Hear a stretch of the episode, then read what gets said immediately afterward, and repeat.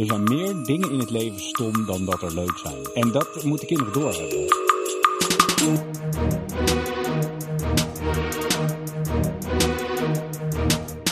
Gewoon een paar jaar Montessori afplakken en alleen maar denken aan wat is goed onderwijs.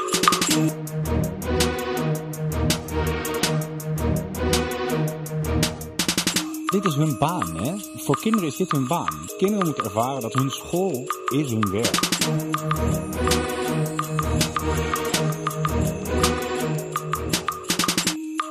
Dames en heren, hartelijk welkom bij deze zevende aflevering van eh, de podcast 88 Toetsen. En naast mij tegenover mij zit Joël van Dam. Ja, Eh, leuk dat ik er mag zijn. Ja, leuk dat je er wil wezen. Ja.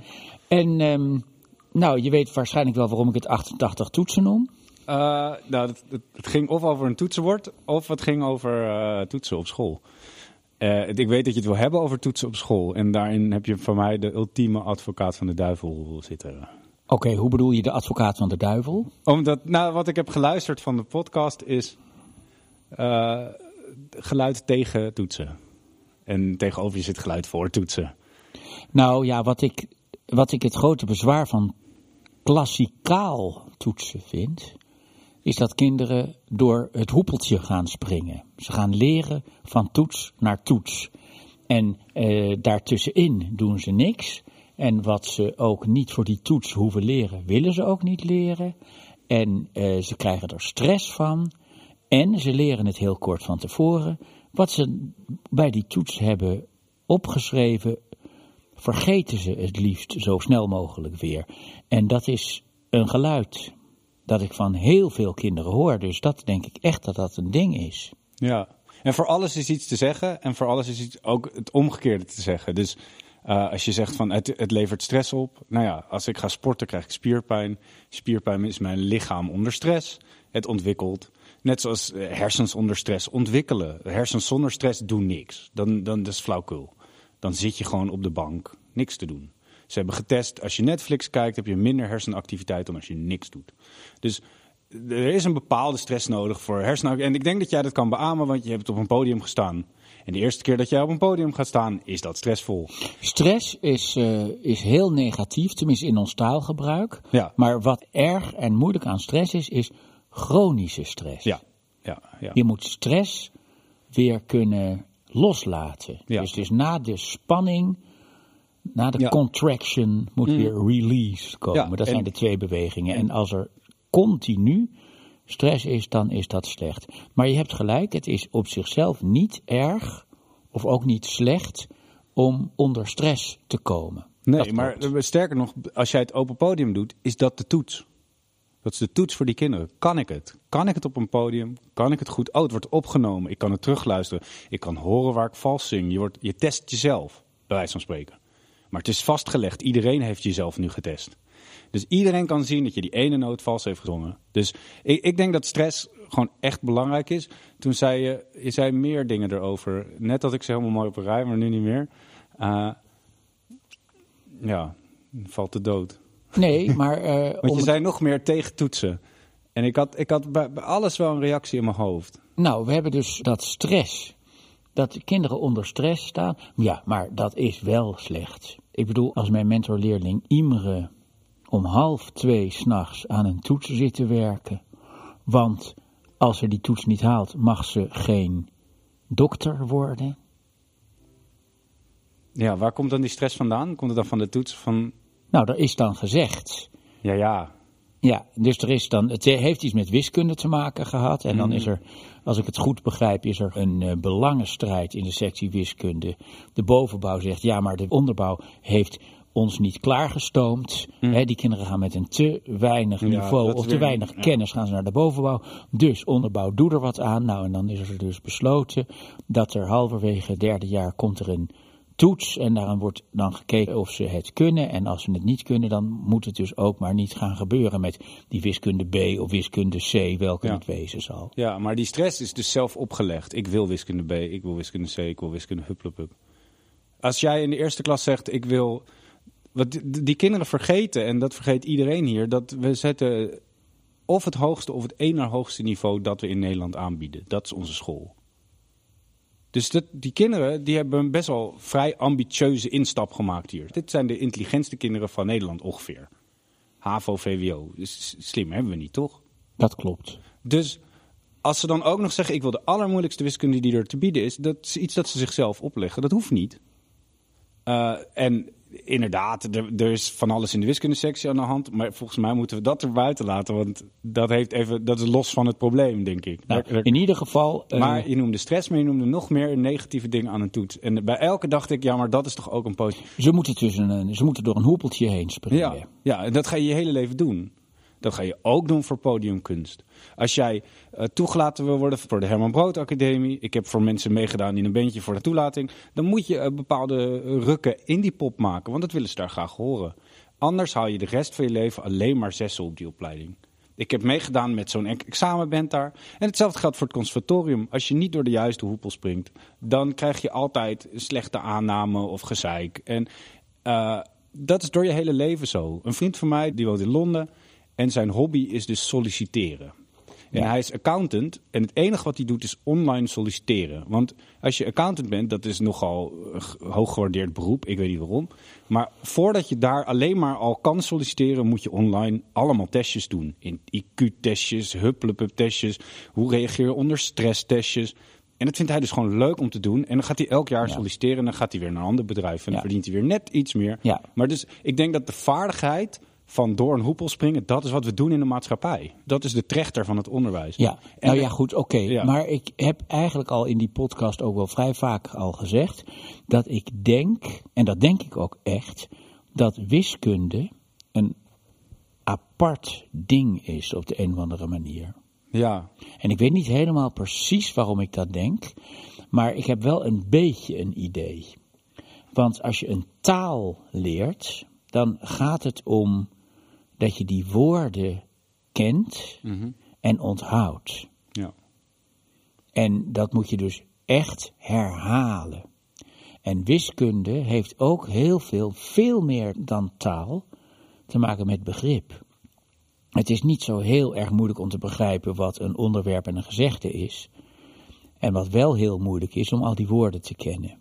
Ja. Dus in zekere zin is taal veel meer een ding dat te maken heeft met motoriek, hoe je je tong beweegt. Mhm.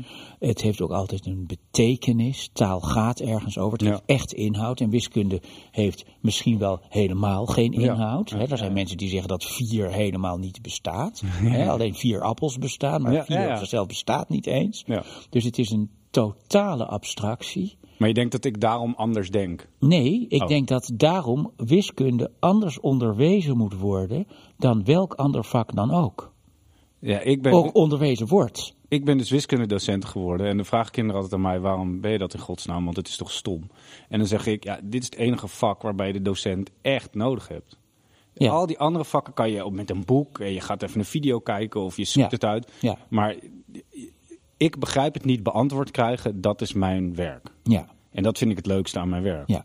En daarom ben ik geen tekendocent geworden of muziekdocent of weet ik veel. Ik had het allemaal kunnen. Ik, ik vind het gewoon leuk om dingen uit te leggen. Ja, goed. Ja, nee, maar goed, eh, dat, is, eh, dat klopt. Eh, dingen uitleggen, eh, het is iets wat je moet begrijpen en wat Ja. je eigenlijk niet begrijpt totdat je het opeens wel En begrijpt. als je het begrijpt, is het makkelijk, zeggen kinderen. Ja, maar eh, ik vind soms wiskunde ook heel erg moeilijk te begrijpen. Mhm. En ik heb ook wel het gevoel dat ik voor sommige dingen de gevoelige periode gemist heb. Ja. Dus het kwadraat en de wortel heb ik echt begrepen, maar logaritme eigenlijk nooit. Ik kan Ja. het niet navoelen. En ik denk dat dat is omdat ik dat pas op mijn vijftiende of mijn zestiende aangeboden heb gekregen. Oh, ja, ik denk, jongen, waarom doen we dat niet op de basisschool, logaritme? Het is zoiets natuurlijks. Oh, ik heb juist van een hele hoop dingen, waarom doen we het niet later? Want als ik een eerste klasser zie en ik zie wat ze moeten doen voor andere vakken, dan denk ik, ja, maar dit is zo makkelijk. Tuurlijk ga je dat voldoende halen.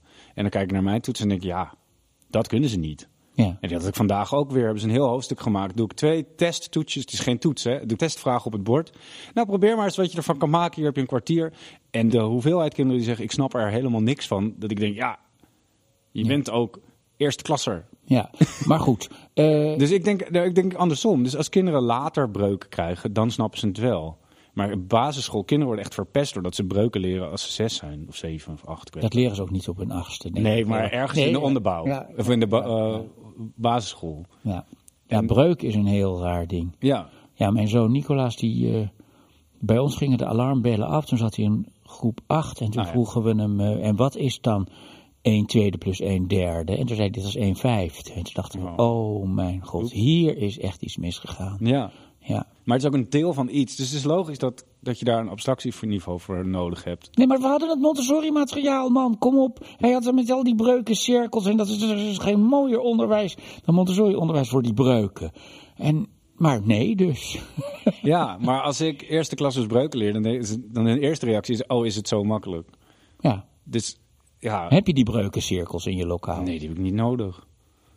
Nee. Nee. Nee, maar ik kan ook wel snel een rondje tekenen. Nee, maar goed. eh, laten we eens het hebben over hoe ik wiskunde heb geleerd. Oké, daar ben ik Op de naar. middelbare school. Wij hadden les van Cormac, een fenomeen op onze school. Mhm. Cormac ken ik als een hele rustige, bedachtzame man. En die had een groot talent voor uitleggen. Hij Ja. kon het zo uitleggen dat iedereen het snapte. Hij legde heel langzaam uit, maar het was toch niet saai.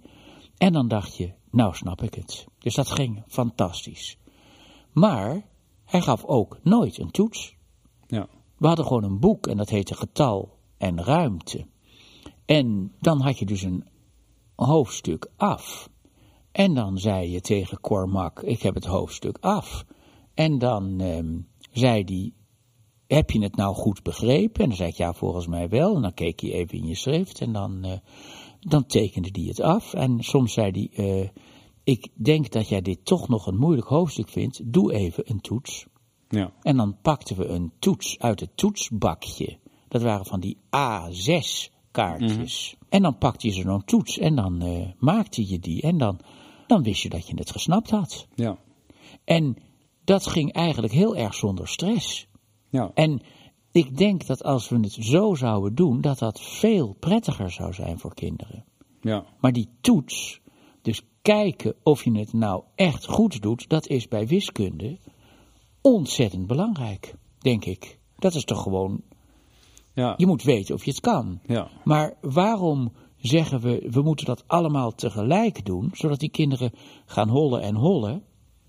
En dan is er nog een bezwaar dat ik heb, dat als je die toets allemaal tegelijk maakt, dat je dan zo met elkaar gaat vergelijken. En ik weet niet of je Jordan Peterson kent, Ja, daar ben je een fan van, ik Nou, ook.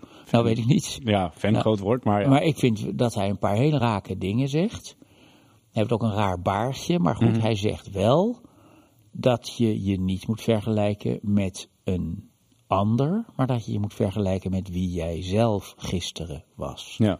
En die toetsen met dan heb je nou dubbel plus of anderhalve plus of drie plussen of een min of plus min. En je doet die toets allemaal tegelijk en dan praat het zich rond. En dat is niet fijn. Maar Dat dwingt kinderen min Ja. of meer om te vergelijken. En je hoort kinderen dus ook heel vaak zeggen: ja, maar ik kan geen wiskunde. Of ja, maar ik, ik ben slecht in Duits. Ik, Mhm. ik, eh, ik kan dat vak nu eenmaal niet. ja, net zoals dat ze zeggen, ik kan niet zingen en jij geeft geen toet. Ja, Hoe kan dat dan? dat denk ik dat dat komt. Jeetje, hoe zou dat komen? Want ik heb ook altijd gedacht dat ik niet kon zingen. En jij zei in een andere podcast dat heeft te maken met de fase waar je in zit, de gevoelige periode. Je zegt, ik krijg de kinderen als het niet een gevoelige periode is. En dan worden ze ouder en dan zitten ze wel in de oefenruimte. Ja. Waarom kinderen zeggen dat ze niet kunnen zingen? Dat zeggen kinderen helemaal niet. Op de basisschool zeggen ze dat niet. Nee, nee, Nee, dat zeggen ze nu. dat zeggen ze nu. Dat zeggen ze ja. nu. Maar ze zeggen dat eigenlijk over alles. Ja. ja, als je zegt dat je iets niet kan, dan kan je ook niet falen. Ja, dat zit er natuurlijk ook in. Ja, Ja, dat klopt, ja. Dat is veilig. Ja. dan kan het alleen nog maar meevallen. Maar ondertussen is het wel, wel heel dom om dat te zeggen. Want daardoor eh, ontneem je jezelf ook de mogelijkheid om het wel te kunnen. Ja, dus toen ik 15 jaar geleden hier kwam werken, toen had ik klas van 26. Ja, Toen heeft een, een van haar Ella heeft mij verteld hoe ik moet aftekenen, want ik wist Ja. niet hoe dat werkte. En toen heb ik wel eens geëxperimenteerd met wat als je zelf je toets plant. ja. En dat is heel leuk voor VWO-meisjes. En het is heel vervelend voor HAVO-jongens, want die doen het dan gewoon niet. Dus, dus hoe kregen we dan toch die stok achter de deur zodat ze iets doen? Nou, je zou toch bijvoorbeeld kunnen zeggen. Ik had vandaag nog een gesprek met klas 1L. En toen zei ik, eh, we moeten de toets afschaffen. En toen zei zo'n jongen, oh, dan ga ik niks meer doen. Dan ik, ik weet het precies, ik wil gewoon gedwongen worden. Dan denk ik, nou, daar is toch ook niks mee mis? Je kan toch gewoon zeggen, hier eh, Henk of Bonzo, of hoe, Ja, ja, ja. hoe die jongen ook heten zal. eh, kan je toch zeggen, hier, jij doet het morgen. Ja. Ja, zo is het natuurlijk ontstaan. Ik kan me herinneren dat ik op de basisschool zat, lagere school heette dat nog. Ik had les van juffrouw Boerlijst. En dat was een hele goede juf. En nou, ik zat de hele tijd niks te doen en uiteindelijk zei ze, en nou ga je het doen. En als je het nou niet doet, dan vind ik het heel erg vervelend. Nou, toen ben ik het gaan doen. Dan heb ik als een duivel gewerkt. En toen was het af. En toen was ik hartstikke trots. En toen zei ze, ja, maar ik ben eigenlijk toch niet helemaal, helemaal tevreden. Want je hebt het eigenlijk alleen maar gedaan omdat ik zei dat het moest. En dat vond ik niet leuk. Ja. Waarom zegt ze dan niet gewoon? Goed, het was goed. Wat nou? Ik heb het nou toch gedaan? Ja. Ik begrijp het nu wel. Het was dus extrinsieke motivatie die mij daartoe gedreven had. Maar godverdorie, mijn werk was af. En Ganna Nihom, een van de beroemdste leraren hier op school, die was anders. Die zei dan tegen mij, en als je nu niet aan het werk gaat, krijg je een stopbord op je verslag. In de eerste klas, mijn vierde verslag, zou een stopbord worden, terwijl op het derde verslag niet eens een gevarendriehoek gestaan had. Nou, ik schrok me dood. Toen ben ik dus aan het werk gegaan, dat stopbord is er niet gekomen. En toen zei Ganna, je hebt heel goed gewerkt. En toen dacht ik nog, ja maar Ganna, of juffrouw Niehom, eh, mevrouw Niehom, dus moest je dan zeggen, dat heb ik alleen gedaan omdat u met een stopbord dreigde. Zei ze, nee, je hebt heel goed gewerkt. Klaar. Ja. Dat was dus oké. Ja. Nou, dat is goed. Het is helemaal niet slecht om ooit ook eens een kind zo onder stress te zetten, want dat is dus eigenlijk wat zij deed. Ja, maar en, eh, hoe, dus, dus stel je voor, je, je, hebt, eh, je bent nu wiskundedocent en die kinderen moeten een toets maken. Ooit een keer, want je wil testen of ze het kunnen. Gezegd, dat hebben we nodig. Ik heb zo vaak in, in mijn tijd hier gezegd van, nou, je mag hem zelf inplannen ergens in dit blok. Daar hebben we net over gehad. Ik heb ook wel eens gezegd, er is een deadline, dat is dan. Je mag hem ook eerder doen. Dan is er altijd één zo iemand die dat dan doet. Maar uiteindelijk, het lijkt gewoon alsof kinderen willen dat, dat je zegt, en nu moet je het doen. De, ik heb een meisje nu in de derde, die is het al het hele jaar aan het uitstellen. En toen Ja. werd ze heel boos dat ik een slecht verslag had gemaakt voor haar. En toen zei ik, ja, maar je hebt een half jaar gedaan over niet de toets maken. Ja, Dus de, ja, er zal iets aan de hand zijn waarom ze die toets niet te maken. Maar ik geef steeds herkansmomenten en ze besluiten om die niet te gebruiken. ja, En ik denk dat zij er gewoon bij gebaat is dat ik zeg, je moet het morgen doen. Of volgende Ja. week. Volgende week op vrijdag ga jij dat doen. ja. Ja. Ja, dat denk ik ook. Ja, Maar eh, nogmaals, ik heb het al vaker gedacht, maar het wordt mij nu weer wat helderder, dat wiskunde een ander verhaal is. Ja, maar ik, ik geloof dat dus niet. Du- Dus wat, wat ik zo lastig vind eraan, ik heb dus het gevoel dat gewoon alle andere vakken te makkelijk zijn. Eh, waarom zouden we kinderen iets toetsen dat super simpel is? Dus maak het gewoon allemaal dat het gaat om begrijpen. Waarom moeten we alles uit ons hoofd leren? Wat maakt het nou uit eh, eh, wat voor thee Napoleon dronk, bij wijze van spreken? Ja, nee, dat is waar. Die toetsen zijn ongelooflijk makkelijk. Ja, Maar tegelijkertijd ook heel moeilijk. Ze zijn te moeilijk en te makkelijk tegelijkertijd. Ze zijn altijd te moeilijk, want je hebt ze te laat geleerd. Ja, je bent er te laat aan begonnen en je kunt het allemaal niet. En het is een stom rotvak.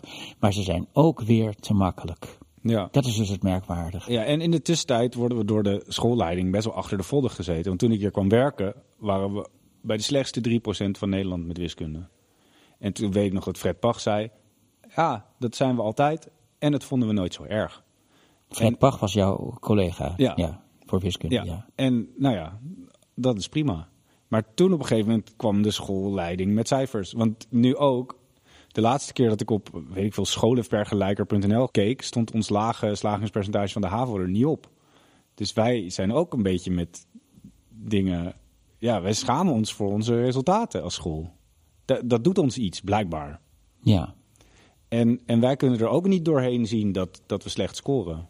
Dus we willen Nou ja, die slagingspercentages is op zichzelf is dat wel een, eh, iets waar je even heel goed over moet nadenken voordat je daar echt een eh, conclusie aan verbindt of iets een goede school is of niet. Je kunt op een vrij eenvoudige manier je slagingspercentages door aan de poort te selecteren. Ja, of om ja, ja. heel streng te zeggen. Er zit nu een, een meisje in de podcast en die kwam van het Vossius. Ik weet niet precies hoe dat gegaan is, maar ik kan me voorstellen dat er dan ook al gedacht is. Zou die wel kunnen slagen? Ja, ja, tuurlijk. Nou, dus dat is een ding. En ik vind het op zichzelf heel mooi dat wij kinderen een kans geven. Ja, maar Die ergens anders geen kans we krijgen. hebben hetzelfde gedaan, toch? Die hele VWO-stroom is er alleen maar omdat de CITO's die we binnenkregen super laag waren. Op een gegeven moment hebben we gezegd, ja, zulke lage CITO's. 5,27 in een HAVO-VWO-klas, dat kan niet meer. En al die kinderen met VWO-advies, die willen naar een VWO-school. Dus wij moeten ook een VWO-stroom. Zo is het begonnen. Ja, dat is gewoon marktwerking. Ja. Heel jammer. Maar ja. goed. Maar ja, dus dat we doen er ook is. aan mee. We, we selecteren ook al bij de poort. Ja, dat klopt. Dan zou je heel principieel moeten zijn. Dan zou je dus moeten zeggen: wij gaan eh, dat niet doen, maar dan verlies je je VWO. Ja, En dan kun je kinderen die op HAVO-niveau werken geen opstroom Nee, meer nee, geven. dat zou- dus dat kan niet. nee. Maar goed, we dwalen een beetje Ja, af. maar dat wat, hoort ook. Wat ik echt heel erg slecht vind, is dat kinderen woordjes in hun hoofd stampen, dat op een papier schrijven en dan denken, hè, hè, dat mag ik vergeten. Maar en daar is heb ik- dat zo? Man, daar heb ik eindeloze voorbeelden van. Maar- Hier heb ik een, een heel logboek geschreven. ik heb allemaal kinderen geïnterviewd. En ze vertellen het allemaal. Ja, maar ik, Ja. Denk, ik denk dat kinderen je slechtste publiek zijn om te vragen of het, of het zo is. Want natuurlijk ga je dat zeggen. Ik vond school ook verschrikkelijk. Ik heb Duits meteen laten vallen. Ik heb Frans meteen laten vallen. Op het moment dat het kon. Ik heb het gevoel dat ik daar niks van heb geleerd. Ja. Toch, als ik in Frankrijk ben, zijn er zoveel woorden die ik herken. En ik heb ook gewoon woordjes uit mijn hoofd geleerd Nou. en ze meteen vergeten. Hier. En bij Duits ook. Hier, wat zij vertelt. Toen ik nog op de basisschool zat, op een Montessori-school, dan had ik bijvoorbeeld rekenrijk af voor rekenen. En dan ging je naar de docent en die tekende dan het hoofdstuk voor je af. En dan vroeg hij aan je of je klaar was om een toets te maken, een kleine toets. En dan zei je bijvoorbeeld, nee, ik ben er nog niet klaar voor, ik wil nog wat meer leren. Maar je moest er wel voor zorgen dat je het binnen een bepaalde tijd af had. Dus op de middelbare zou dat dan zijn binnen een bepaald blok. Als je het zo aanpakt, leer je de kinderen dus ook meteen plannen. Ik heb echt leren plannen op de basisschool. Hier op school moest ik ook naar een planuurtje in de eerste, omdat het niet goed met me ging. Maar ik heb er helemaal niks geleerd. Het was gewoon tijdsverspilling. Het ging niet goed omdat ik juist te veel gefocust was op school en niet te weinig. En daardoor ging het mentaal niet goed met me en daardoor haalde ik slechte cijfers. Ik denk dat dat het was. Vorige keer in het mentoruur kregen we te horen dat de docenten van ons gaan eisen dat we het boek mee hebben als we naar een bepaald vak gaan. Maar dat denk ik, als ik het gevoel heb dat ik iets ga leren, dan neem ik vanzelf mijn boek mee. Je, dat is, is te makkelijk dus. Ja. Ja. ja, veel kinderen komen naar school zonder boek, omdat ze het gevoel hebben dat ze niks gaan leren in de les. En ze weten dat ze niks hoeven op te schrijven. Ik heb dat echt vaak. Dus we nemen dan bijvoorbeeld vakken mee die we niet eens hebben, omdat we dan tijdens de les voor dat andere vak kunnen leren, omdat we voor dat andere vak een toets hebben. Dus leren we dus niet echt iets. We letten niet op bij het ene vak, maar werken aan het andere vak voor de toets. En wat we leren voor die toets vergeten we weer.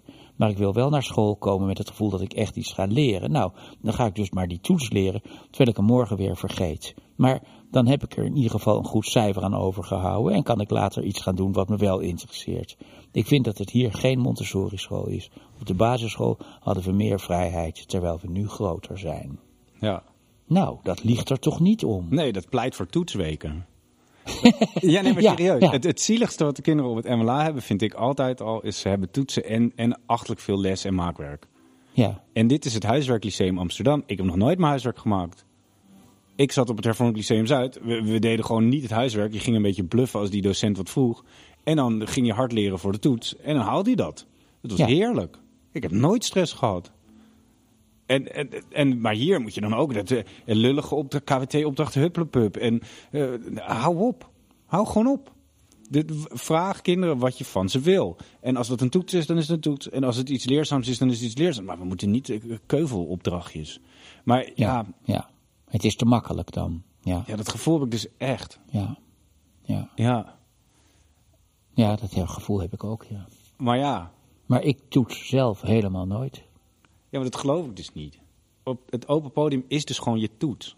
Die kinderen kunnen gewoon horen of ze het goed hebben gedaan. Ja, maar dat is ook een ding in muziek. Ja, Nee, laat ik het even zo uitleggen. Maria Montessori die heeft het over controle van de fout. ja, Dus als je opschrijft 2 plus 2 is 5, dan is daar helemaal niks mee mis, want eh, het staat er gewoon, alleen het klopt niet. ja. Dus je zou dan willen hebben dat op het moment dat je dat opschrijft, dat er dan een eh, stinkbom afgaat of Ja. zo, of dat er iets gaat trillen of zo. Nou, dus het materiaal is zo ontworpen dat je dat dan gewoon ziet. Ja. Hè, dus dat het dan niet Mhm. klopt, het past dan niet in het bakje of zo. Ja, dat heet Nou, formatief. ja, dus, Ja. Dus, dus in het materiaal zit de Controle. zit de controle. Maar dat is, vaak is dat niet echt mogelijk. Je moet dan bijvoorbeeld een kaartje hebben en achter op het kaartje staat het goede antwoord. Dan moet je het kaartje omdraaien, moet je kijken, had ik het Mm. goed? Dat is alweer wat beter. Maar het vak dat het aller, aller snelste Ja, jou op je sodemieter geeft als je het fout doet, is muziek. ja, Op hetzelfde moment dat je het akkoord fout indrukt, hoor je het. ja, En dat maakt dat muziek zo bijzonder vormend is. ja. Maar dat maakt ook stress. Of vind je van niet? Geen van buitenaf opgelegde stress. Wat muziek stress is, wat muziek stress zou maken, is als je zegt: en volgende week moet je zingen voor de klas. Ja, Ik doe ook bijvoorbeeld eh, wel eens voor en nazingen. En dan zing ik iets voor, dan moet één kind het nazingen. En dan voel je in die klas de stress. Shit, straks wijst hij mij aan. ja, En daarom zeg ik dan ook altijd kinderen, ik kijk heel goed wat ik doe. En eh, soms vergeet ik dat te zeggen. En dan, dan zijn er ook kinderen die echt niet meer naar de muziekles durven. Omdat Mhm. ze bang zijn dat ze aangewezen worden de volgende week. Dus dat, dat, maar daar moet je heel erg voorzichtig mee Ja. zijn. Maar ook doe ik dan, dus als ik iets voorzing en ik wil dat een kind het nazingt. Dan wijs ik pas één seconde daarvoor naar dat kind. Want als ik het vijf seconden daarvoor Ja, doe, heeft het kind gaan ze denken. Ja. Ja, en dus als je dan maar dan gaat doen, dan doe je het ook. En dan, en dan gaat het. En dan, als je eenmaal begonnen bent, dan durf je het ook. Dan durf je ook weer door te gaan. ja. Maar ja, En trouwens dat het open podium geen stress is, of hoe heet dat? dat ja, ik noemde dat een toets. Ik noemde dat ja, de een muziektoets. Ja. Ja, nou, maar, maar het is toch iets. Het is, Het is toch, ook nog een deadline. Ja, maar het is toch iets anders. Want, want de beloning van het open podium is dat je dat liedje gezongen hebt en dat het goed klonk. Ja, Maar bij een toets voor Frans is de beloning niet dat je dat woord kent, maar dat je een plusje hebt. En er is zelfs een verschrikkelijk voorbeeld van een. eh, we hebben gehoord dat iemand zei. eh, het maakt niet uit of die kinderen Dieswiet of Dikshuid zeggen. Eh, voor mijn part zeggen ze Dikshuid, want dan schrijven ze het tenminste goed op. ja, dat is gewoon slecht onderwijs. Maar ik denk... Ja, dat is inderdaad niet, niet wat per se tegen een maar toets pleit. Maar die kinderen die hebben dus boulangerie uit hun hoofd geleerd, bij wijze van spreken. ja, En die hebben echt wel over, als zij over tien jaar in Frankrijk boulangerie zien, dat ze denken, hé, dat is een bakker. ja. Dus ik denk dat, ondanks dat je alles vergeet, dat is weer de vraag van wat is het nut van het onderwijs, wat zijn we hier aan het doen? En dan, dan is mij, de kinderen vragen altijd, waarom moet ik dit leren? En dan zeg ik altijd, je hoeft helemaal niks te leren. Mijn beste vriend, die woont bij zijn moeder op zolder, die is net zoals ik, die heeft niks geleerd. Ja. Je, het hoeft niet. Dus, maar er is niks op deze school wat we kunnen aanwijzen nu, dit heb je later nodig. Waarschijnlijk heb je niks later nodig. Grote kans. Wat jij later nodig hebt is een authentiek persoon zijn. Je moet een persoonlijkheid hebben. Dat is belangrijk. Je moet weten wie je bent. Je moet gevormd zijn tot iemand die ertoe doet. Nou, en dat is dus wat ik vind. Dat is wat je dus moet doen. En eh, dat is wat Maria Montessori ook zegt. Nou, ken je de beroemde passage of niet? Vast niet. Nou, daar gaat hij dan. Dus even kijken waar het staat. Hier, eh, ze zegt, indien het beeld onze hedendaagse maatschappij door wisselvalligheid wordt gekenmerkt, moeten we noodzakelijkerwijs naar een nieuw middelpunt uitzien, waarnaar wij ons in de opvoeding met vast vertrouwen kunnen richten. Dit middelpunt is de persoonlijkheid, doet ze met ho- hoofdletters. De persoonlijkheid der kinderen die we moeten opvoeden. Het is het vaste punt waarop de opvoeding zich moet concentreren. De middelbare scholen, zoals ze nu bestaan, beantwoorden dus geen zins aan de maatschappelijke toestand van deze tijd. Nog beschermen zij de persoonlijke kracht van de mensen zelf. Toch hangt de toekomst voornamelijk van die kracht af. De leerlingen van middelbare scholen worden gedwongen tot leren uit plichtsgevoel, uit noodzaak, zonder enige werkelijke belangstelling, zonder enig onmiddellijk zichtbaar doel dat hun voldoening zou kunnen schenken en dat hun voortdurende inspanning steeds nieuwe kracht zou kunnen geven. Onder uiterlijke onlogische dwang moeten zij hun beste individuele energieën opofferen. Deze jonge mensen worden bijna tot het bereiken der volle rijpheid als kinderen van een lagere school behandeld. Op 14 of 16-jarige leeftijd blijven zij nog altijd onderworpen aan de kleinzielige bedreiging van slechte cijfers, waarmee de leraren het werk der kinderen meten. De arbeid der leerlingen wordt niet beoordeeld als een voortbrengsel van het leven deze jonge mensen, maar hij wordt gemeten, alsof hij een voorwerp was welk stoffelijk gewicht men met mechanische hulp van een weegschaal in cijfers uitdrukken kan.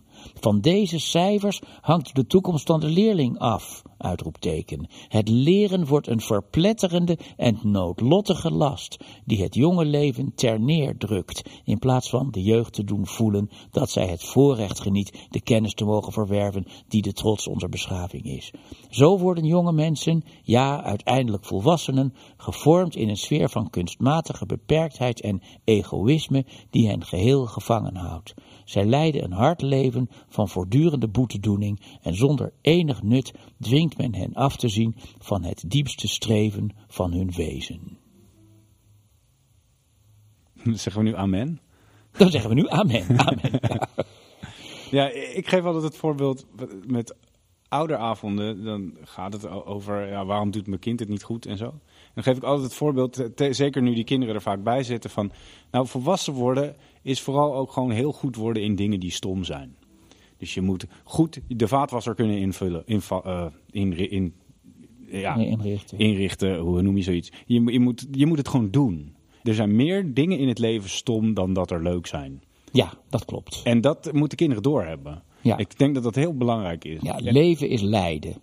En het lijden aanvaarden. En op het eind ga je dood. Ja, maar wat ik hier aan zie, aan, de, aan deze tekst van Maria Montessori, als je dit voorleest aan kinderen, dat doe ik regelmatig, dan zeggen ze ja, Ja. zo is het. En dan vraag ik wie heeft dat dan geschreven? En dan zeggen ze ja, Mark Rutte misschien, of Robert Dijkgraaf. En dan zeg ik het is Maria Montessori. Dan zeggen ze wat? Mag ik er een kopie van? Dit moeten wij op school gaan doen. Want dat zij zich dus echt ter neergedrukt voelen, dat is echt waar. Ja. Echt waar. Dat is niet leuk. Er is gewoon. Er, er- de kinderen hebben het gevoel dat ze iets moeten. ja, maar in plaats van dat. Ja, maar. Dit is, maar dit is hun baan, hè? Die, die- voor kinderen is dit hun baan. Ze worden betaald door hun ouders. Met, eh, ze krijgen een dak boven hun hoofd en kleding en eh, eten. De, dit, ze werken. Ze zijn op hun werk. Kinderen zijn letterlijk nu op hun werk. Als ze hier zitten. En dat hebben ze gewoon niet door. Het, het is niet allemaal lol. Je bent nu op je werk. En je moet gewoon voor je, je. Je bent je eigen baas een beetje. Of je ouders zijn je baas. Of wij zijn je baas. Dat mag, mag je zo interpreteren. Ik weet ook nooit zo goed wie mijn baas is. Eigenlijk Wendelin. Maar soms was het Betty. En nu is het Loes of Annemiek. Maakt niet uit. Maar ik ben ook op mijn werk. En op mijn werk moeten we gewoon ons werk zo goed mogelijk doen. En dat is niet leuk. Het is niet altijd leuk. Ik heb heel veel plezier in de klas. Maar ja, je werk is niet altijd leuk. Als ik straks eindbrief moet maken, is het verschrikkelijk. En die kinderen moeten ervaren dat hun school is hun werk. Ja, En, en het is niet erg als het gewoon niet zo leuk is. Het zou erg zijn als het allemaal leuk was. nou ja, ik bedoel maar, die kinderen komen de muziekles binnen en zeggen: Ja, Mogen we aan het werk? want ik moet nog zoveel doen. Voor, Nee, oh, nee. voor jouw Oh, vak? ja. ja, ja, ja, oké. Ja, ja Of- maar dat is ook wel bij mij. Of ze pakken hun Engelsboek en ze zeggen: Mogen we leren voor de toets? Want we hebben het volgende uur een Oh, ja. toets. Ja. En dan denk ik, er is iets mis. En als de kinderen dan ook nog zeggen, maar over een uur ben ik het weer vergeten, maar ik doe het gewoon, want dan krijg ik een cijfer, dan denk ik, er is iets mis. Maar ze weten natuurlijk niet dat ze het over een uur vergeten zijn. Dat is zo, natuurlijk is dat zo. Hoeft- nee, tuurlijk niet. Jij weet toch ook nog steeds wat een bakkerij is in het Frans? Daar, daar praten we in een rondje. er is zoveel dat je. Want nogmaals, ik heb het meteen laten vallen, al die taalvakken. En ik, ik kan me gewoon verstaanbaar maken in Duits. Nou, ik kan me herinneren dat ik op het conservatorium zat en een tentamen had over de muziekgeschiedenis. En ik moest al die verschillende stromingen kennen. Ja. En ik had letterlijk het gevoel, als ik nu mijn hoofd wiebel, dan valt die kennis eruit. Dus ik had het allemaal Ja. als een soort kaartenhuis los opgestapeld in mijn hoofd. En toen heb ik het allemaal opgeschreven en keurig een 7 of een 8 gehaald. En daarna dacht ik zo, en nu kan ik het vergeten. En Ja. dat heb ik ook gedaan. Maar als je die woorden nu leest, herken je ze. En in no time weet je waar het over gaat. Toch? Nee, ik weet het omdat die leraar daar geïnspireerd over vertelde. Dat is wat ik nog weet. Ja. Ik wist toen precies hoe je kon determineren of het een eh, tweede of een derde generatie, eh, hoe heet het was. En, en dat weet ik niet meer. Maar ik weet wel dat het zinloos was om het te leren. ja. Dat ik het weer vergat. Kom op Joël, dat weet je. Dat gebeurt. Er is korte termijn en lange termijn geheugen. Nee, dat je leert het en dan gaat het in het korte termijn geheugen en daarna ben je het weer geheel en al vergeten. Ja, ik, dat, ik, ik geloof dat dus niet helemaal. Ik denk dat het altijd ergens blijft hangen. Al zijn het flarden. Maar dat komt neer op wat wil je dat mensen leren. Als jij conservatorium Amsterdam hebt gedaan, dan heb je heel veel ingewikkelde jazz moeten leren. Wat in conservatorium Haarlem weer minder is. Eh, dat, dat is de hoepel waar je op dat moment voor gekozen hebt. Maar je hele leven zit vol met hoepels. Dus het zitten al hoepels dat ik een trui heb aangedaan. Dat ik niet een korte broek aan mag doen naar mijn werk. Het zijn allemaal hoepels. Maar ben jij dan wel een Montessoriaan? Ja, dat vraag ik me dus altijd af. Eh, en toen ik hier stage kwam lopen, toen was mijn stagebegeleider Fred van Groningen. Ja. En die parodeerde door de gangen, zeggende dat hij een, een Montessori-product was. 50 jaar Montessori. daar- ja. En over alles wat ik deed, onbewust, zei hij: dat, dat is zo Montessori wat je daar doet. En dat is ook zo Montessori wat je daar doet. Maar mijn grootste vraag is, en dat is waarom ik ook meteen begon met: ik ben advocaat van de duivel, is volgens mij moeten we gewoon een paar jaar op deze school Montessori afplakken en alleen maar denken aan wat is goed onderwijs. En niet als idiote dromers, niet eh, hele rare dingen bedenken voor die kinderen, maar gewoon puur gaan kijken naar wanneer is een les goed. Wat willen we echt dat die kinderen kunnen? En ik denk dat als je dat dan helemaal af hebt en je haalt de sticker eraf, dan klopt het weer. Dus dat is het grappige. Toen ik op de docentenopleiding zat, toen zat ik ook hier natuurlijk, want ja, ik liep stage. Toen was eigenlijk alles wat ze je leerden over vakdidactiek was gewoon Montessori. Ja, En toen zeiden ze op het Montessori, ja, we, lopen, we liepen eerst voor, maar nu lopen we een beetje erachteraan. En het- ik denk gewoon dat als je goed onderwijs geeft, dan is het altijd Montessori. Dus als andere scholen meer Montessori worden, is dat niet ten nadele van ons. Dan gaan we zelf vergelijken wat we niet wilden doen. ja. Dus ik denk dat het woord Montessori gewoon, daar gaan we onder gebukt. Want we gaan iets doen wat iemand heeft opgeschreven voor het basisonderwijs. En het is allemaal goed bedacht. Maar het is niet van ons. Dus laten we iets maken dat van ons is. En als we dat echt goed doen, dan zal het weer Montessori zijn.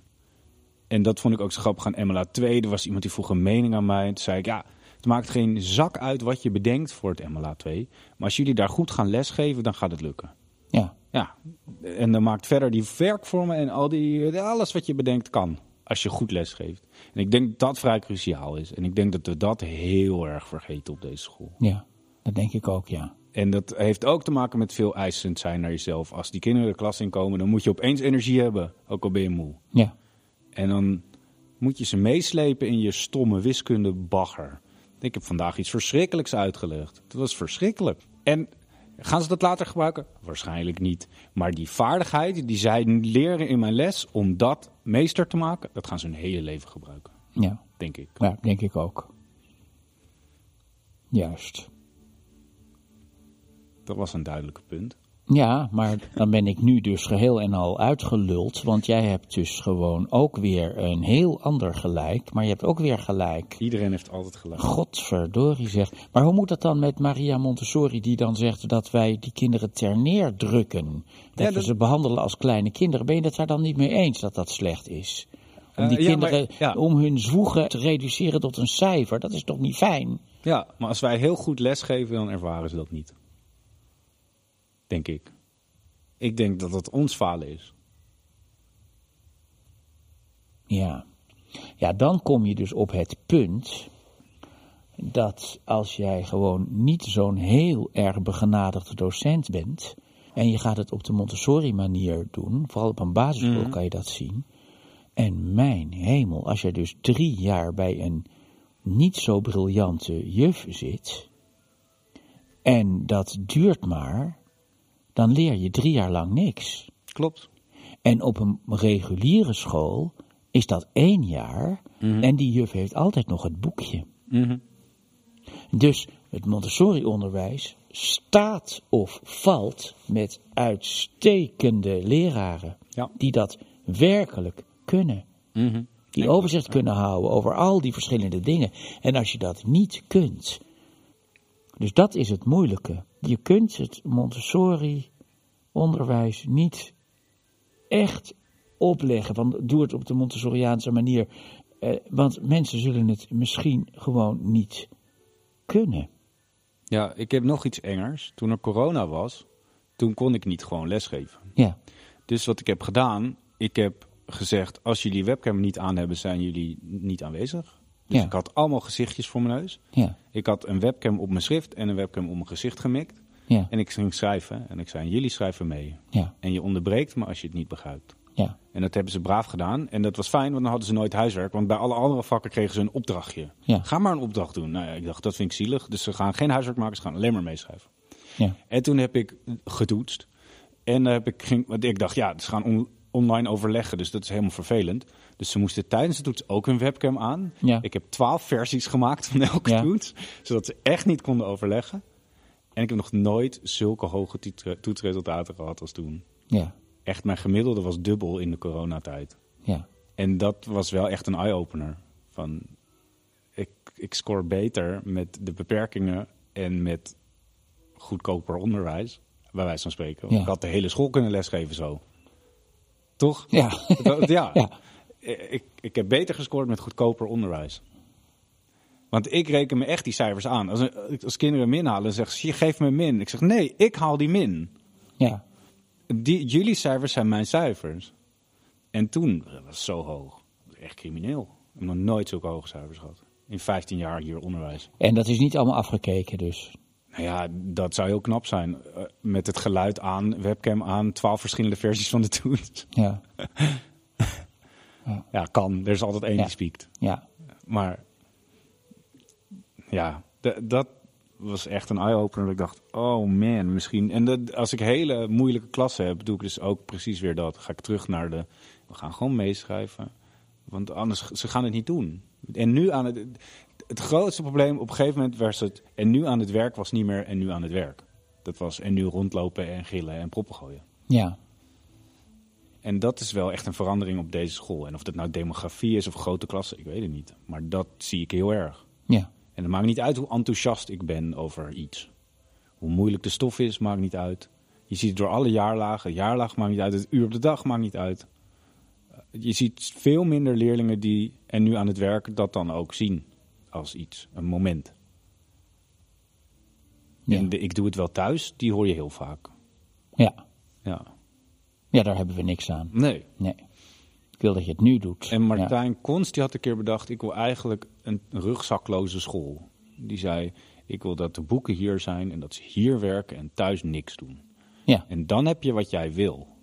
ja, Dat zou, zo zou het moeten zijn. Ja. Maar dan, ja, ja, dan moet je over nadenken hoe je dat gaat doen. Nou dat heb ik hier. Ja. Ja, Nee, maar dat is ook wat jij wil dat de school is, denk ik. Ik denk dat je heel erg zo daarnaar kijkt. Nou, ik wil dat die toets als machtsmiddel, als ding om kinderen aan het werk te krijgen. Ik vind dat op de een of andere manier, vind ik dat niet goed. Ik weet niet wat het is, maar ik, ik, ik vind dat gewoon niet. Ik vind het ook een gebrek aan vertrouwen. Dat is ook wat ik vind. Ik vind dat je.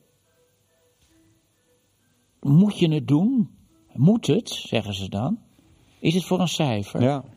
Ja, dan is het voor een cijfer en anders doen ze het niet. Maar en als je het dan omdraait, als alles wat je doet voor een cijfer zou zijn. Ja, dat kan je ook doen. Ja. Stel, alles wat je maakt is een toets. Waar, waar ik zo tegenaan loop nu, in, er is dus een hele stroming in het onderwijs die zegt we gaan formatief. En mensen die dat niet hebben begrepen, die maken er formatieve toets van. Terwijl die twee woorden hebben niks met elkaar te maken. En dus wat er gebeurt, is die kinderen hebben minder toetsen. En dat levert zo ongelooflijk veel stress op. Want minder toetsen is minder falen. Vroeger kon je bij wiskunde drie keer een min halen en nog steeds een jaar halen. Ja, Maar nu haal je één keer een min en dan heb je echt een probleem. ja, En dat komt omdat we minder toetsen, want dat hebben we bedacht als school. Dat vinden we leuk en we hebben zo'n bureau gehaald die ging vertellen over formatief evalueren. En wij hebben dat als idioten geïnterpreteerd als zijnde een toets.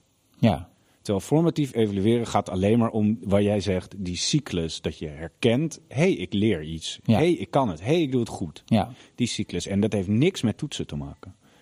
Dus zodra we die...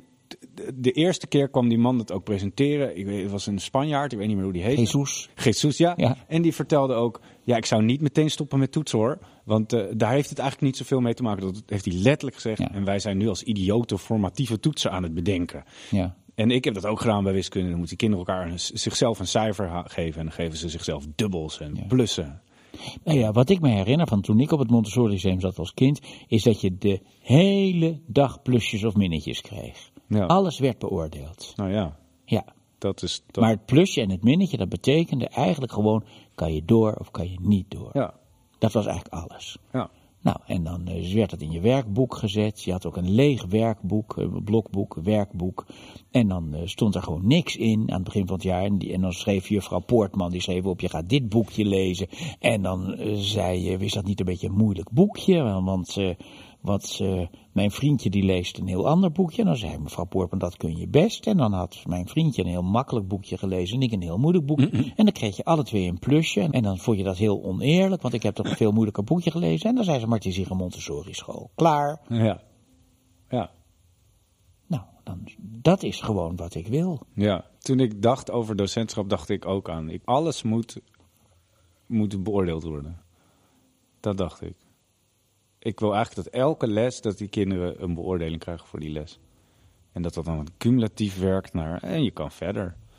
Ja. Eh, maar Ik geef bij de deur een hand en dan zeg ik, je hebt goed gewerkt. Of ik vraag het ook zelf, want ik heb niet alles gezien. Met al die studiootjes zeg ik, heb je goed gewerkt? Dan zeggen ze, ja, eh, ja. Of ja, ja, nou dan weet je dat. En dan hoop ik dat ze dat onthouden. Dan denk ik, ja, ze hebben goed gewerkt of niet. Nou, en dat zou je dus eigenlijk, als je heel netjes was, allemaal moeten opschrijven. Maar ze onthouden het zelf wel. En aan het eind van het blok vraag ik, heb je goed gewerkt? En dan zeggen ze keurig dat ze plus-min voor de werkhouding hebben, of 1 plus of 2 plus. En dan tellen ze dat op, op zichzelf een beetje op. ja, Zijn we het nou eens? dat weet ik niet. We zijn, we zijn eens dat het moeilijk is. Ja. En we zijn het erover eens dat jij totaal geen Montessoriaan bent. Of juist wel heel erg. Ja, in veel van mijn handelen zegt iedereen dat is ontzettend Montessori wat je doet. Dus eh, het zal. Ja. Het zal. Ik kom ook van een Montessori basisschool waar ik acht jaar niks heb gedaan. Die is aangeklaagd omdat iedereen is blijven zitten. Oh man. nou, dus. ehm, dus wat nu, Gert-Jan? Dat is dat boek. Ik weet niet hoe- waarom het zo heet. Ik weet het niet, Hans. Nou. ja, nou, dan is het, eh, is het klaar. Hè? Is het klaar? Dan weten we het niet meer. Dan zijn we verloren. Dan zijn we verloren. We zijn ja. er niet uitgekomen. Nou, dan was dit eh, de zevende eh, en laatste aflevering waarschijnlijk. Oh? Nee, dat denk ik niet. Maar wel, wel een hele spannende en Hm. bijzondere aflevering van de podcast eh, 88 Toetsen. Waarvan we dus moeten hopen dat ze alle 88 doorgaan. Ja, bedankt voor het luisteren. Bedankt eh, Joël dat je kwam.